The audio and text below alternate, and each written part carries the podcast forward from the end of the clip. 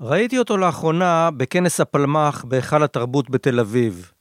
נער נצחי בן 91, חולף בקלילות בין מעט החברים שנותרו. הנה רוקן אל האלוף בדימוס אלעד פלד שעל כיסא הגלגלים, שואל לשלומה של חברה חרושת קמטים מ-48, מחייך לכל עבר כמו אבא טוב לילדיו. האלוף בדימוס שלמה גזית, שהלך לעולמו בשבוע שעבר, היה תופעה יוצאת דופן בקרב יוצאי מערכת הביטחון הישראלית. מי שהיה לוחם הפלמ"ח, מקורבו של דיין, מתאם הפעולות הראשון בשטחים וראש אמ"ן, היה מאגר אנושי של ידע, ביקורת והבנה, איש של סתירות פנימיות, עם מצפון, אומץ לב אזרחי ומחשבה מקורית. לא יכולה להעיד על כך יותר מאשר העובדה כי מי שהקים את מערכת השליטה הישראלית על השטחים אחרי 67, היה בשלהי חייו אחד ממבקריה הראשיים, שאף התנדב לכהן במועצת המנהלים של ארגון זכויות האדם יש דין, שנלחם בנבזויות הכיבוש. על המתנחלים אמר פעם, ואחר כך התנצל, הכיפות הסרוגות עבורי הן כמו צלב קרס. בהזדמנות אחרת, הציע להשביח את היכולות המבצעיות של צה"ל באמצעות גיוס צוותי חשיבה מבין בוגרי סיירת מטכ"ל, השב"כ, המוסד, וגם בכירים מעולם הפשע המקומי. ברעיונות שקיימתי עם גזית בשנתיים האחרונות, במסגרת סדרה בת שבעה פרקים שעשיתי על רצועת עזה עבור פרות קדושות, שוחחנו בהרחבה על כמה פרשות ועניינים שהכיר מקרוב בתוקף התפקידים הבכירים שמילא. דיברנו בין השאר על התוכניות הסודיות לעידוד הגירת פלסטינים מהשטחים, על פשעי מלחמה שנעשו והוסתרו באזורים הנתונים למרותו, ועל האנדרלמוסיה הלא תיאמן ששררה בפיקוד דרום לפני מלחמת יום הכיפורים. גזית סיפר גם על הקמתה וחורבנה של הריביירה הישראלית בפתחת רפיח, ועל ההצעה שהעלה בפני שר ההגנה המצרי גמאסי להשאיר את הפתחה בידי ישראל בתמורה לחלקים מהנגב. הוא סיפר גם על הניסיון לשכנע את סאדאת לקבל חזרה לידיו את השליטה ברצועה, וטען כי היה זה דווקא בגין שבלם את היוזמה. עברו העשיר של גזית וזיכרונו המצוין הותירו אותו כאחת העדויות החיות האחרונות להיסטוריה הרצופה של מדינת ישראל מאז מלחמת העצמאות. על כל שאלותיי הוא ענה מבלי להתחמק. אולי אני טועה, אבל נדמה לי כי השתדל לומר אמת. גם כשטען שלא ידע על כמה מהפרשיות הקשות שהתרחשו בשטחים שהיו נתונים לאחריותו.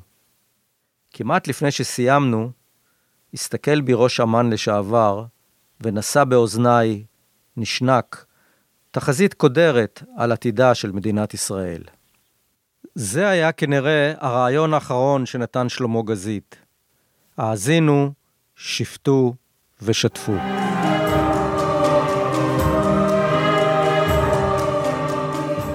ברוכים הבאים לפודקאסט פרות קדושות, פרות קדושות, פרות קדושות, מיתוסים ישראליים עם יזהר באר. בפרק 53, הרעיון האחרון של שלמה גזית. בסדרה עזה, הסיפור הלא מוכר, הצגתי את שנות הכיבוש הראשונות של הרצועה לאחר מלחמת ששת הימים, בין השאר באמצעות רעיונות עם מושלי עזה לשעבר. הפרק השלישי בסדרה, שעסק בתוכניות שנרקמו החל ביוני 67 לריקון עזה מהפליטים שבה, התבסס על רעיונות עם בכירי המערכות הישראליות שעסקו במגע עם האוכלוסייה הפלסטינית בשטחים לאחר 67, על מסמכי ארכיון וקטעי עיתונות, ועל כתביהם של חוקרים והיסטוריונים. אחד מהם היה האלוף בדימוס שלמה גזית. בספרו "המקל והגזר" סיפר גזית על תזכיר ועדת הארבעה, שהוגש לראש הממשלה לוי אשכול מיד אחרי מלחמת ששת הימים, בנוגע לגורל השטחים. העיקרון הראשון טבע חיסול יסודי ולצמיתות של שאלת הפליטים, הן בגדה המערבית והן בעבר הירדן, וגם ריקון מוחלט של רצועת עזה מפליטים. הרצועה לאחר שתרוקן מן הפליטים תסופח לישראל. סוף ציטוט. סדרי הגודל של האוכלוסייה הערבית בשטחי האימפריה הישראלית החדשה הדאיגו את ראשי המדינה, סיפר גזית. גולדה מאיר, מזכירת מפא"י, התלוננה בדיון בפורום מפלגתי שהיא לא מקבלת תשובות מוסמכות לדאגותיה. כאשר שאלתי את אשכול מה נעשה במיליון ערבים, הוא אמר, אני מבין, הנדוניה מוצאת חן בעינייך, הקלה לא. אני מזועזעת, הוסיפה גולדה, והאשימה את הסופרים עמוס עוז ויזהר סמילנסקי ואנשי רוח אחרים שהכניסו כאן לדבריה את העניין המוסרי. ואמרה, בשבילי המוסר העליון הוא שלעם היהודי יש זכות קיום. בלי זה אין מוסר בעולם. ואכן, כבר בחודשים הראשונים אחרי המלחמה, ננקטו צעדים מעשיים לדילול האוכלוסייה הצומחת במהירות ברצועה. בפברואר 1968 החליט ראש הממשלה אשכול למנות את עדה סירני, אלמנתו של הצנחן אנצו סירני, שנהרג בשליחות לאיטליה במלחמת העולם השנייה, לרשות פרויקט ההגירה. תפקידה היה למצוא ארצות יעד ולעודד את היציאה אליהן מבלי שהורגשו טביעות אצבעותיה של ממשלת ישראל. סירני נבחרה לתפקיד בגלל קשריה באיטליה וניסיונה בארגון ההעפלה של ניצולי השואה היהודים אחרי מלחמת העולם השנייה. התוכנית נכשלה כישלון חרוץ. הפליטים העזתים סירבו להגר. כשנפגשנו, היה גזית בן 91, צלול, ערני וממוקד. שאלתי אותו. האם יהיה נכון לומר שממשלת ישראל, או מקבלי ההחלטות הקובעים, החליטו על כך שעזה אה, תישאר ברשותה של מדינת ישראל בכל הסדר עתידי? כן ולא. כלומר, נתחיל בלא. אין החלטה כזו. כלומר, זה לא נושא... שעלה לדיון ויש החלטת ממשלה, החלטת uh, ועדת שרים או משהו כזה. אבל הקונסנזוס ברמה הממשלתית uh, לא אצלנו. כלומר, לא במערכת כן. של uh, הצה"לית-ביטחונית, כן. אבל הקונסנזוס הפוליטי היה goes without saying, עזה נשארת חלק ממדינת ישראל. עם אה, איזושהי, הייתי אומר, אשליה אופטימית, שאם וכאשר יימצא הסדר שני שליש מהאוכלוסייה, הפליטים, הם יתנדפו באיזושהי צורה. יימצא להם פתרון, שיקום בהונולולו, והם ייעלמו. והקונצנזוס הזה החזיק מעמד הרבה מאוד זמן. אה, אתה יכול לומר כמעט עד ההתנתקות של אה, אריק שרון. אני לא, אה, הייתי אומר ככה, זה לא הייתה אהבת מולדת, שזה חלק מארץ ישראל ההיסטורית, אם כי בגין, זה כבר לא בזה הרבה אחרי זמני, באיזשהי דיון בא ואמר, זה ארץ ישראל, על זה אני לא מוותר. כן. אבל אצל, נאמר, הפורום של בעיקר גלילי ואלון, שהם נתנו את הטון בנושא הזה בשנים שאנחנו מדברים, היה פוליטי-אסטרטגי. אנחנו לא רוצים שתהיה, בהנחה שהגדה המערבית לא תהיה בידינו, אני לא יודע באיזה גבולות, אבל בגדול, הגדה המערבית לא תישאר בידינו, שלא ייווצר מין מצב של מדינה פלסטינית בגדה המערבית וברצועת עזה עם צורך של חיבור ביניהם כזה או אחר, וזה פלונטר. מצד שני, אם הג... באיזושהי צורה יימצא הסדר ומצרים חוזרת לסיני, שמצרים לא תהיה ברצועת עזה, אנחנו לא רוצים את המצרים על גבול אה, אשקלון. אז זה פחות או יותר את ה... זאת אומרת, במאזן שבין אוכלוסייה אה, גדולה, ערבית, אז לבין... היא גם עוד לא הייתה כל כך גדולה. ב-450 אלף, משהו כזה. כן, אבל מזה שני שליש פליטים. כן. נדמה לי שזה היה אפילו לא 460, נדמה לי 360 אלף. למה התוכניות אה, כמו הוועדה של עדה סירני וזה לא המשיכו? אה, תראה, הן לא היו מספיק אטרקטיביות כדי שיבואו ויגידו, אנחנו בהמוננו רוצים לקום ולעזור.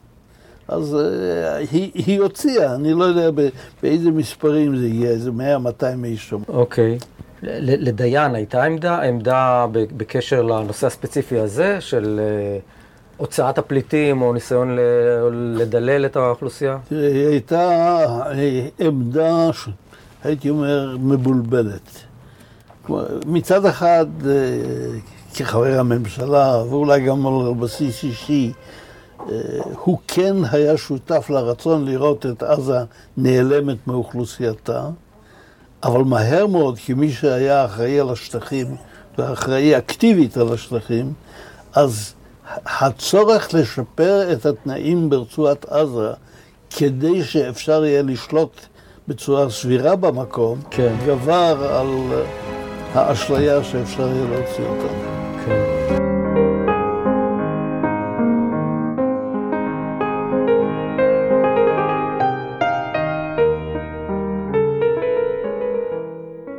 בעקבות הניצחון ב-1967 וההרחבה הדרמטית בשטחי שלטונה, ביצעה מדינת ישראל את אחד הניסויים השאפתניים, היקרים וחסרי התוחלת שהתקיימו בתולדותיה.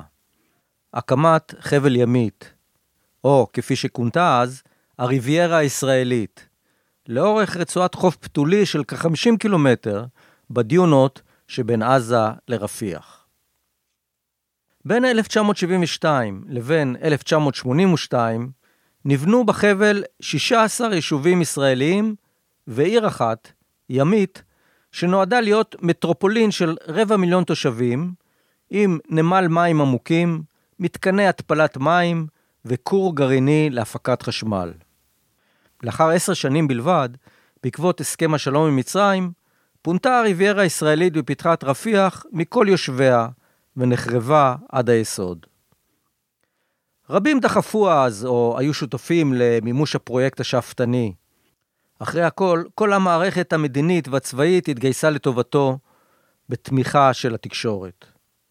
אך מי שניצח על הכשרת הקרקע להתיישבות בחבל, ובסופו של דבר פקד על חורבנה, היה אדם אחד, אריאל שרון. אחת הפרשות המסעירות והלא מסופרות של הקמת חבל ימית הייתה הגירוש הברוטלי של תשעה שבטי בדואים שישבו באזור. לפי אומדנים שונים נע מספר המגורשים בין 5,000 ל-20,000, נשים, גברים וילדים. היה זה פרויקט ענק של הזזת אוכלוסין מכאן והושבת אוכלוסייה מתנחלת משם, בניגוד לחוק הבינלאומי, בהסתר ובקריצת עין, תוך שיתוף פעולה מלא או חלקי, לעתים נלהב, של המערכת הפוליטית והצבאית ובמידה רבה גם של התקשורת, ובחסות נימוקים צבאיים מומצאים. העיתונות הישראלית לא דיווחה בזמן אמת על גירוש אלפי הבדואים, כי צנזורה צבאית קפדנית מנעה כל פרסום. כל הפרשה זכתה למסגור ביטחוני שנתן לגיטימציה משתמעת למעשה הגירוש. בידיעות אחרונות קיבל הגירוש ידיעה בת 26 מילים, שכותרתה הייתה בעקבות מיקושים גודרו שטחים בפתחת רפיח. הידיעה הלקונית מסתיימת במשפט, שלא היה נכון עובדתית, צה"ל מאפשר לבדואים המתגוררים בשטח המגודר להמשיך בעיבוד אדמותיהם. אף מילה על גירוש. המבצע החשאי נעשה ללא ידיעתו ואישורו של הדרג המדיני. דוח סודי של ועדת חקירה שמינה הרמטכ"ל הציג עדויות כיצד הגיעו 72 חיילים בכלי רכב ועל גמלים ונתנו לבדואים שהות של יום אחד לעזוב את השטח. לאחר שקיבלו ארכה של יום נוסף לאסוף את מטלטליהם, עלו הטנקים על השטח, הרסו את כל המבנים, ייבשו את מקורות המים, השמידו את היבולים והבריחו אלפי משפחות מאדמתן לתוך לב סיני. למפונים, טען מפקד האזור, יצחק פונדק, איש לא דאג להציע שיכון חילופי, אמצעי מחיה, ואף לא גישה לשירותי בריאות מינימליים. שלמה גזית, המתאם, תמך בהתיישבות בפתחת רפיח, אך לדעתו ניתן היה להגיע להסכמה עם הבדואים על פינוי האזור ללא צורך בגירוש. גזית, שכל פעולה קטנה וגדולה באימפריה החדשה שלו, שנוסדה ביוני 1967, נזקקה לאישורו, לא ידע על פעולת הגירוש, אלא לאחר מעשה. מכשנודע לו, הוא הגדיר את הפעולה כמעשה נבלה והחליט להתפטר. דיברנו גם על פרשה זו. משפטנים טוענים, אה, טוענים שהיה אה, גירוש בקנה מידה כפשעי מלחמה. מה, מה אתה זוכר מה, מהתקופה ההיא, מנקודת ה... אני הגשתי התפטרות על המקרה הזה. אה, כן? אתה התפטרת על רקע זה? למה? התפטרות שלא התקבלה. על זה שאנחנו עברנו בשתיקה על ההחלטה לגרש את הבדואים בלי לדון, בלי אישור וללא שום סיבה אובייקטיבית. בעצם הגירוש התבצע ללא אישור ממשלה, אתה רוצה לומר? ללא אישור אף אחד. אז איך זה נעשה? איך אתה מסביר את זה? זה, זה פעולה של אריק שרון? ודאי. אליי הגיע טלפון של נציב הצלב האדום רוצה לפגוש אותי בדחיפות. אמרתי לו שיבוא. ואז הוא שואל אותי, למה גירשתם את הבדואים ברפיח? וזו הייתה הידיעה הראשונה שקיבלתי שהם גורשו. אז לא רציתי להגיד לו שאני לא יודע.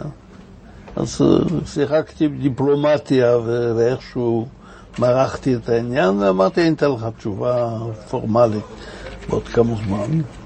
התקשרתי לאדון פונדק, הוא אומר, אני לא יודע מכלום. גם פונדק לא יודע. לא. וכתוצאה מזה אתה אמרת שאתה לא מוכן לקחת אחריות? לא, זה ודאי, אבל אני עשיתי, אני עשיתי על סקנדל מהעניין, והוחלט על הקמת ועדת חקירה, וועדת החקירה הזו קבעה שאריק עשה את זה ללא אישור, ללא סמכות, ללא רשות, ואמרתי, נו, כלום. אמרתי, אם כלום, אז uh, זה נשאר באחריותי, אני הממונה על השטחים. אני מתפטר. ועדת החקירה עליה מדבר גזית, ברשות האלוף אהרון יריב, מונתה לחקור את פרשת גירוש הבדואים בעקבות דליפת דיווחים מזעזעים על אופי הגירוש וממדיו. אנשי מילואים מקיבוצים בנגב, שחזרו משירות בסיני, דיווחו על המתרחש, ומשלחת של פעילים מהקיבוצים, ביניהם חברי קיבוץ נירים, שיצרו קשרים עם הבדואים בסיני עוד לפני קום המדינה, יצאה לשטח וחזרה עם עדויות מצולמות של בתי בטון הרוסים ובארות שנסתמו. נחזור לוועדת החקירה ברשות האלוף יריב. מסקנותיה הוסתרו מהציבור ומהכנסת, למעט הודעת ממשלה שנוסחה בלקוניות כך: הייתה חריגה מסמכות מצד מספר מפקדים בכירים ומצד עובד ממשלה. למחרת דווח בעיתונות כי שני קצינים ננזפו על ידי הרמטכ"ל, קצין נוסף הועבר מתפקידו, ואזרח שהועסק כקצין מטה בממשל הצבאי התרשל בתפקידו, וגם נגדו יינקטו אמצעים. רק מאוחר יותר נודעו שמות המפקדים הננזפים, ובראשם אלוף פיקוד הדרום, אריאל שרון, אשר מלבד הנזיפה לא ננקט נגדו שום צעד נוסף. הממשלה אימצה את מסקנות הוועדה, אך לא אישרה את החזרת הבדואים למקומותיהם. בעקבות הודעת ההתפטרות של גזית, הוא הוזמן לפגישה עם הרמטכ"ל. ואז התחיל דין ודברים אה, עם דדו, ודדו התנהג מאוד מאוד לא יפה. לא יפה. כלפיי, עם אה, סחטנות, שאם אני מחליט להתפטר, אז הוא זורק אותי מהצבא בלי פנסיה וכל מיני דברים כאלה. טוב. מה אתה אומר? ת, תגיד, ו, ו, אבל ההחלטה של הקמת פתחת רפיח היא לא הייתה החלטה של שרון, היא הייתה, הייתה החלטת ממשלה. לא. אוקיי. שאלה מה אתה קורא ממשלה? ממשלה מי לא... החליט להקים את, את אה, פתחת רפיח? האיש המרכזי שרצה בעניין הזה, לא, בוא נאמר ככה, ההתנחלויות שקמו אה, היו בהחלט בהחלטת ממשלה. הייתה כן. ועדת שרים להתיישבות, אה, בראשה עמד גלילי, וכל התנחלות שקמה קיבלה את האוקיי שלה. הרעיון של ימית והקמת פתחת רפיח כפרויקט בא מלמטה, מכמה גורמים, אה, והייתי אומר עם גיבוי אה, השראה של ישראל גלילי. מה, מה, מה ידעת לימים, אחרי שנודע לך על פרשת הגירוש? אני מניח שבדקת מה קרה שם. מה העלית? שיום אחד באו ואמרו לבדואים לקום ולהסתלק, זה הכל. באיזה ממדים? כמה, כמה, כמה בדואים? מאות, עשרות, לא, לא, לא, אלפים. אלפים. אני כבר לא זוכר את המספר, נדמה לי סדר גודל של סביבות 5,000, 6,000, משהו כזה. ולאן גירשו אותם? דחפו אותם בסיני. לא, לא, לא, לא גירוש אה, עולמי, אבל כמה עשרות קילומטרים. עכשיו, הדיונים על אה, הקמת אה, ההתיישבות בפתחת רפיח, הם הגיעו גם אליך? אתה, אה, כללו אותך? כן. אני הייתי בהחלט גם שותף לקונספציה שבאה ואמרה, בהנחה שסיני תחזור להיות מצרית, ליצור רצועה מבודדת של פתחת רפיח בין סיני המצרית לבין מדינת ישראל, ועזה תהיה כזו או אחרת. כן. אה, ב- אני יכול לומר אפילו מעבר לזה. אני הייתי שותף למשא ומתן שהתנהל אחרי ביקור סאדאת עם המשלחות המצריות. בדיונים מול גם השיא, אני העליתי את ההצעה ואמרתי, אנחנו אצלנו מציעים, אנחנו בוא נעשה החלפות. אתה מקבל חתיכה מסיני- מהנגב, תן לנו את פתחת רפיח, ואמרתי, יודע מה, זה, אני לא נופל מהרגליים.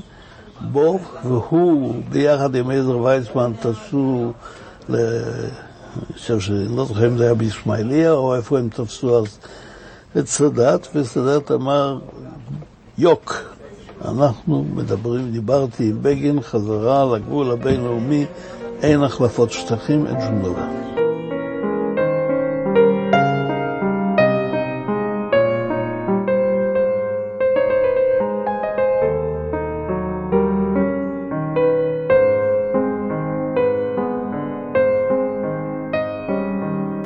הסכם השלום עם מצרים קבר את חלום הריביירה הישראלית סופית, וכך ב-1982, עשר שנים בלבד אחרי שנולד הפרויקט השאפתני, הנישולי והיקר הזה בלב הדיונות שבין עזה לרפיח, סילקו הבולדוזרים ששלח שרון כל שריד לנוכחות יהודית במדבר סיני. אותם בולדוזרים ששלח שרון להחריב את יישובי הבדואים עשור שנים לפני כן, ממש באותו מקום. הקושי להתעשת מהחלום על גן העדן שנגוז והאכזבה מהמדינה בעקבות הפינוי, הצטברות המתח וגם כספי הפיצויים שנדחו פתאום על המפונים כמו גשם, הטביעו את חותמם על רבים מתושבי חבל ימית וגרמו לפשיטות רגל, להתמוטטויות נפשיות ולהתאבדויות, לפירוק משפחות ואף לעזיבת הארץ. היו כאלה שהחליטו לעבור לאחר הפינוי מסיני לגוש קטיף שבתוך רצועת עזה. אך גם משם הם פונו בסופו של דבר במסגרת תוכנית ההתנתקות באוגוסט 2005. גם על פעולה זו ניצח בעיקר איש אחד, אריאל שרון. שלמה גזית, שהיה אחראי על מערכת השליטה הישראלית בשטחים, הסתכל על כל זה מהצד. אחת התופעות הלא מוכרות לציבור הרחב מתקופת כהונתו של שלמה גזית כמתאם הפעולות בשטחים, הייתה האנדרלמוסיה בפיקוד דרום. היחסים בקרב הקצונה הבכירה בפיקוד בתקופת הביניים, הקצרה להפליא, בין מלחמת ששת הימים למלחמת יום הכיפורים. העדויות שאספתי סיפרו על חוסר אמון עמוק בין הקצינים הבכירים, עוינות גלויה, עלבונות וביזיונות הדדיים, הפרת פקודות, הקלטות, ריגול פנימי, ואף מקרים של הכאת קצינים בפומבי. מי שהיה שם יכול היה להעיד למשל כי שמע את מושל עזה וצפון סיני, יצחק פונדק, צועק על אלוף הפיקוד, אריאל שרון, אתה שקרן, אתה רמאי, אתה מנוול, אתה רוצח, ואתה גם מוג לב. מעבר לממד האישי שבעימותים בין שרון ואנשיו מפיקוד דרום, לבין מושלי עזה בראשית שנות ה-70, יצחק פונדק והיני עבאדי, עמד הוויכוח הפנימי בין שתי אסכולות בנוגע ליחס הראוי לתושבי הרצועה הפלסטינים. המדיניות הכוחנית והדורסנית של שרון בראשית שנות ה-70 הביאה לטענות מצדדיה לחיסול הטרור ברצועה. אך לדברי מתנגדיה, גרמה לחורבן אזרחי ולפגיעות קשות באוכלוסייה, שכללו הוצאות להורג ללא משפט, ענישה קולקטיבית והריסות מסיביות של בתים ואזורי חקלאות ללא הצדקה. אלא שמעשים אלה כוסו במעטה כבד של צנזורה ולא הגיעו לידיעת הציבור. גזית, כמתאם פעולות הממשלה, שהיה אחראי על כל המתרחש בתחומי האימפריה הישראלית החדשה שקמה בשטחים אחרי 67, טען באוזניי שמרבית הפעולות הללו לא הגיעו אף לידיעתו. אליך הגיעו תלונות או מידע מהסוג הזה? הגיעו בודדים. הרוב הושתקו בתוך השטח. כשאתה אומר הושתקו, אז מה, ברמות של הפיקוד העליון, של הרמטכ"ל? לא, לא, לא, זה, זה לא הגיע גם אליי. כלומר, זה נג... ברצועת עזה, בניגוד ליהודה ושומרון, הייתה הפרדה בין המנהל האזרחי לבין הפיקוד הצבאי-ביטחוני. כן. הפיקוד הצבאי, ובייחוד בתקופת שרון, היו סדרה של אירועים כאלה. ש, שמה מה הגיע לידיעתך? מה, אתה אומר שהרוב לא הגיע לידיעתך כי זה נסגר ברמות הנמוכות. כן. גם פונדק לא ידע מהם. כן. או אם הוא ידע, אז רק בדיעבד אחרי כן. זמן. והיו דברים שכן הגיעו לידיעתך? בודדים היו מקרים שהגיעו, כן. היו מקרים שהיית צריך להקים, אה, לעשות חקירה או לבדיקה או משהו מהסוג הזה? נדמה לי שהיו איזה שני מקרים כאלה. כלומר, שזה הגיע אליי וזה התפתח לחקירה.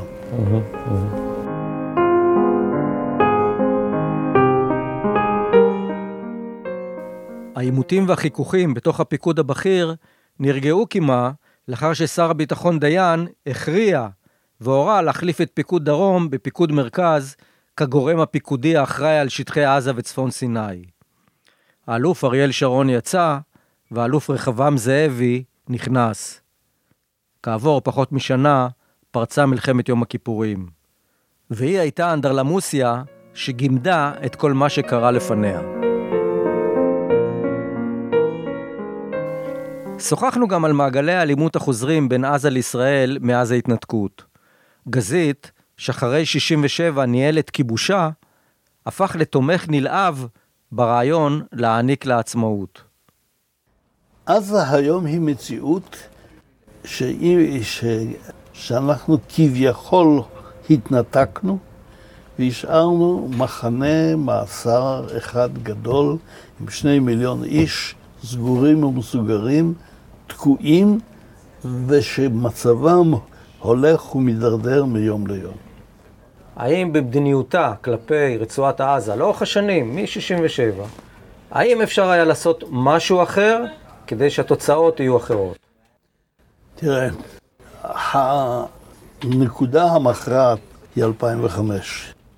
היא שאנחנו כביכול התנתקנו ויצרנו מצב שאנחנו לא בפנים ולא בחוץ. וזה אה, יצר אה, מצב שהרצועה הולכת מדחי אל דחי. אם אתה רוצה, הדבר שהכי מפחיד אותי זה שמחר או בעוד חודש נראה 50 אלף עזתים דורסים את הגדרות ופורצים לתוך ישראל. מה שאתה אומר שהטעות ב-2005 הייתה שהתנתקות לא נעשתה במסגרת הסכם? לא, שהייתה לא חד צדדי? ב... תראה, אנחנו התנתקנו מלבנון, לא במסגרת הסכם, אבל כי הלכנו לאו"ם ואמרנו, תבדקו בבקשה את הקו, תאשרו לנו שאנחנו מאה אחוז בחוץ. נשאר אויב מעבר לגבול בשם חיזבאללה, ועם האויב הזה אנחנו חיים כבר 17 שנה, ומסתדרים לא רע. לא עשינו את זה בעזה. והמצור שנשאר על עזה, בים, ביבשה ובאוויר, בייחוד עוד למין מסה דחוסה כזו של אוכלוסייה, הוא אסון. בלי מים, בלי חשמל. תראה, הייתה גם אולי עוד אופציה. וזה כשניהלנו את המשא ומתן עם מצרים, שהמצרים יחזרו לעזה. סאדאת לא רצה. בגין לא רצה. סאדאת גם כן לא רצה. אבל אולי אפשר היה לשכנע אותו ולומר, אנחנו חוזרים לסטטוס קוו אנטה, זה כולל, אתה חוזר לעזה. כן. ואז האחריות היא שלו. אבל זהו, זה הכל היסטוריה. זאת אומרת, אם, היום אני הייתי שואל אותך, על סמך המידע שיש היום, ואנחנו רואים שעזה זה קוץ בבשרה של ישראל, וכאילו אה, בעיה בלתי פתירה. האם בכלל היה אפשר, אה, אפשר לטפל בזה אי פעם, או שזה, או שזו הייתה טעות אסטרטגית של מדינת ישראל שבכלל התעקשה להחזיק את הדבר הזה ברשותה? אני לא חושב שזה עדיין לסיפור אבוד. אני חושב שאפשר לקום מחר ולבוא ולומר, אנחנו רוצים לשנות את המדיניות כלפי עזה. אנחנו רוצים שעזה תהפוך למדינה עצמאית. אנחנו רוצים שלעזה תהיה נמל ושיהיה שדה תעופה ודרכי גישה והסכם בינלאומי שמטפל בשיקום חשמל ומים ותשתיות וכל מה שאתה רוצה. וליצור מצב שזה מדינת אויב שגובלת איתך ואתה חי איתה. וישראל, אילו אני הייתי ראש ממשלה, זה הקו שאני הייתי מוביל היום. כן. אני התפארתי במלחמת יום הכיפורים, שבאימפריה שלי לא זרקו אבן אחת. אתה, אתה, אתה מדבר גם על עזה וגם על הגדה. כן. איך, איך אתה מסביר את זה? אנחנו הצלחנו להרגיע את השטח. אנחנו הצלחנו ליצור מצב שהאוכלוסייה אמרה, אנחנו לא, אולי לא אוהבים. אה, ב-87, 20 שנה אחרי המלחמה, הופיע באוניברסיטת תל אביב פרופסור ברנרד לואיס, והוא הוזמן להרצות על ישראל 20 שנה אחרי המלחמה. והוא פתח ואמר, יש שני מעשי ניסים בישראל שאני לא, לא יכול להסביר אותם. אחד זה למה ישראל דמוקרטיה. כל הנתונים הם כן. שלא תהיו דמוקרטיה. והשני, אתם יושבים פה ו-20 שנה ואין התקוממות. זה היה חודש לפני האינתיפאדה הראשונה. ההסבר שלו הוא שהם לא אוהבים אותנו, אבל אנחנו עדיפים על האלטרנטיבה. ואיך אתה מסביר לימים את פרוץ האינתיפאדה הראשונה? בכל זאת בניגוד לכל מה שאתה אומר עד עכשיו. בכל זאת עברו 20 שנה. אתה לא יכול להחזיק אנשים תחת כיבוש ולומר, זהו, תאכלו את זה. ב', התחילה ההתנחלויות באופן מסיבי, ונוצרו הלחצים. כן. תגיד, ואתה לימים אה, התקרבת, בוא נגיד, למחוזות השמאל הפוליטי, או התפכחת? אני חושב שבגדול לא, לא שיניתי את דעתי. יש וריאנטים, ההתפתחויות בשטח יוצרים מצבים שונים, אצלם ואצלנו. כן. אבל בגדול, בוא נלך בגדול.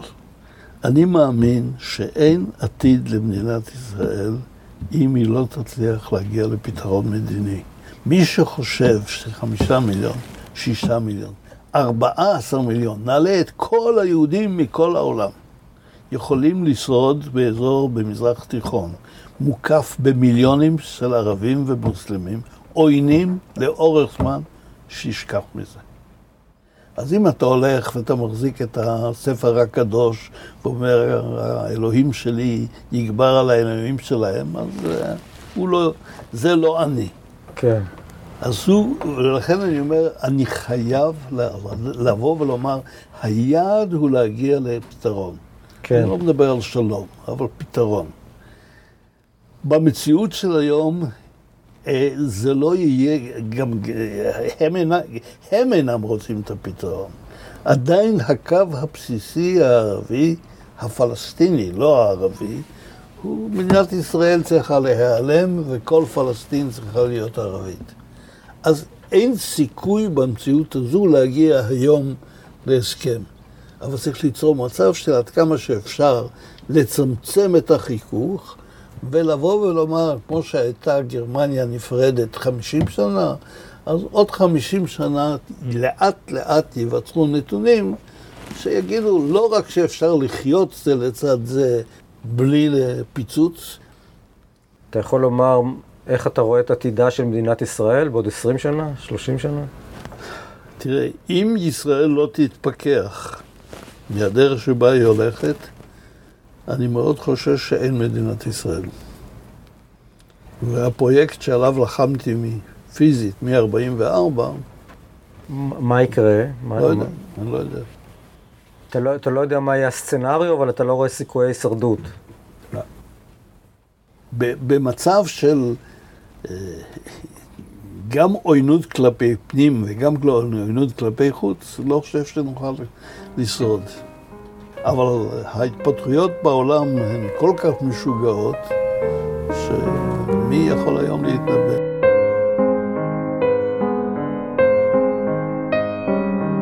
האזנתם לפרק 53 של פרות קדושות, הרעיון האחרון של שלמה גזית.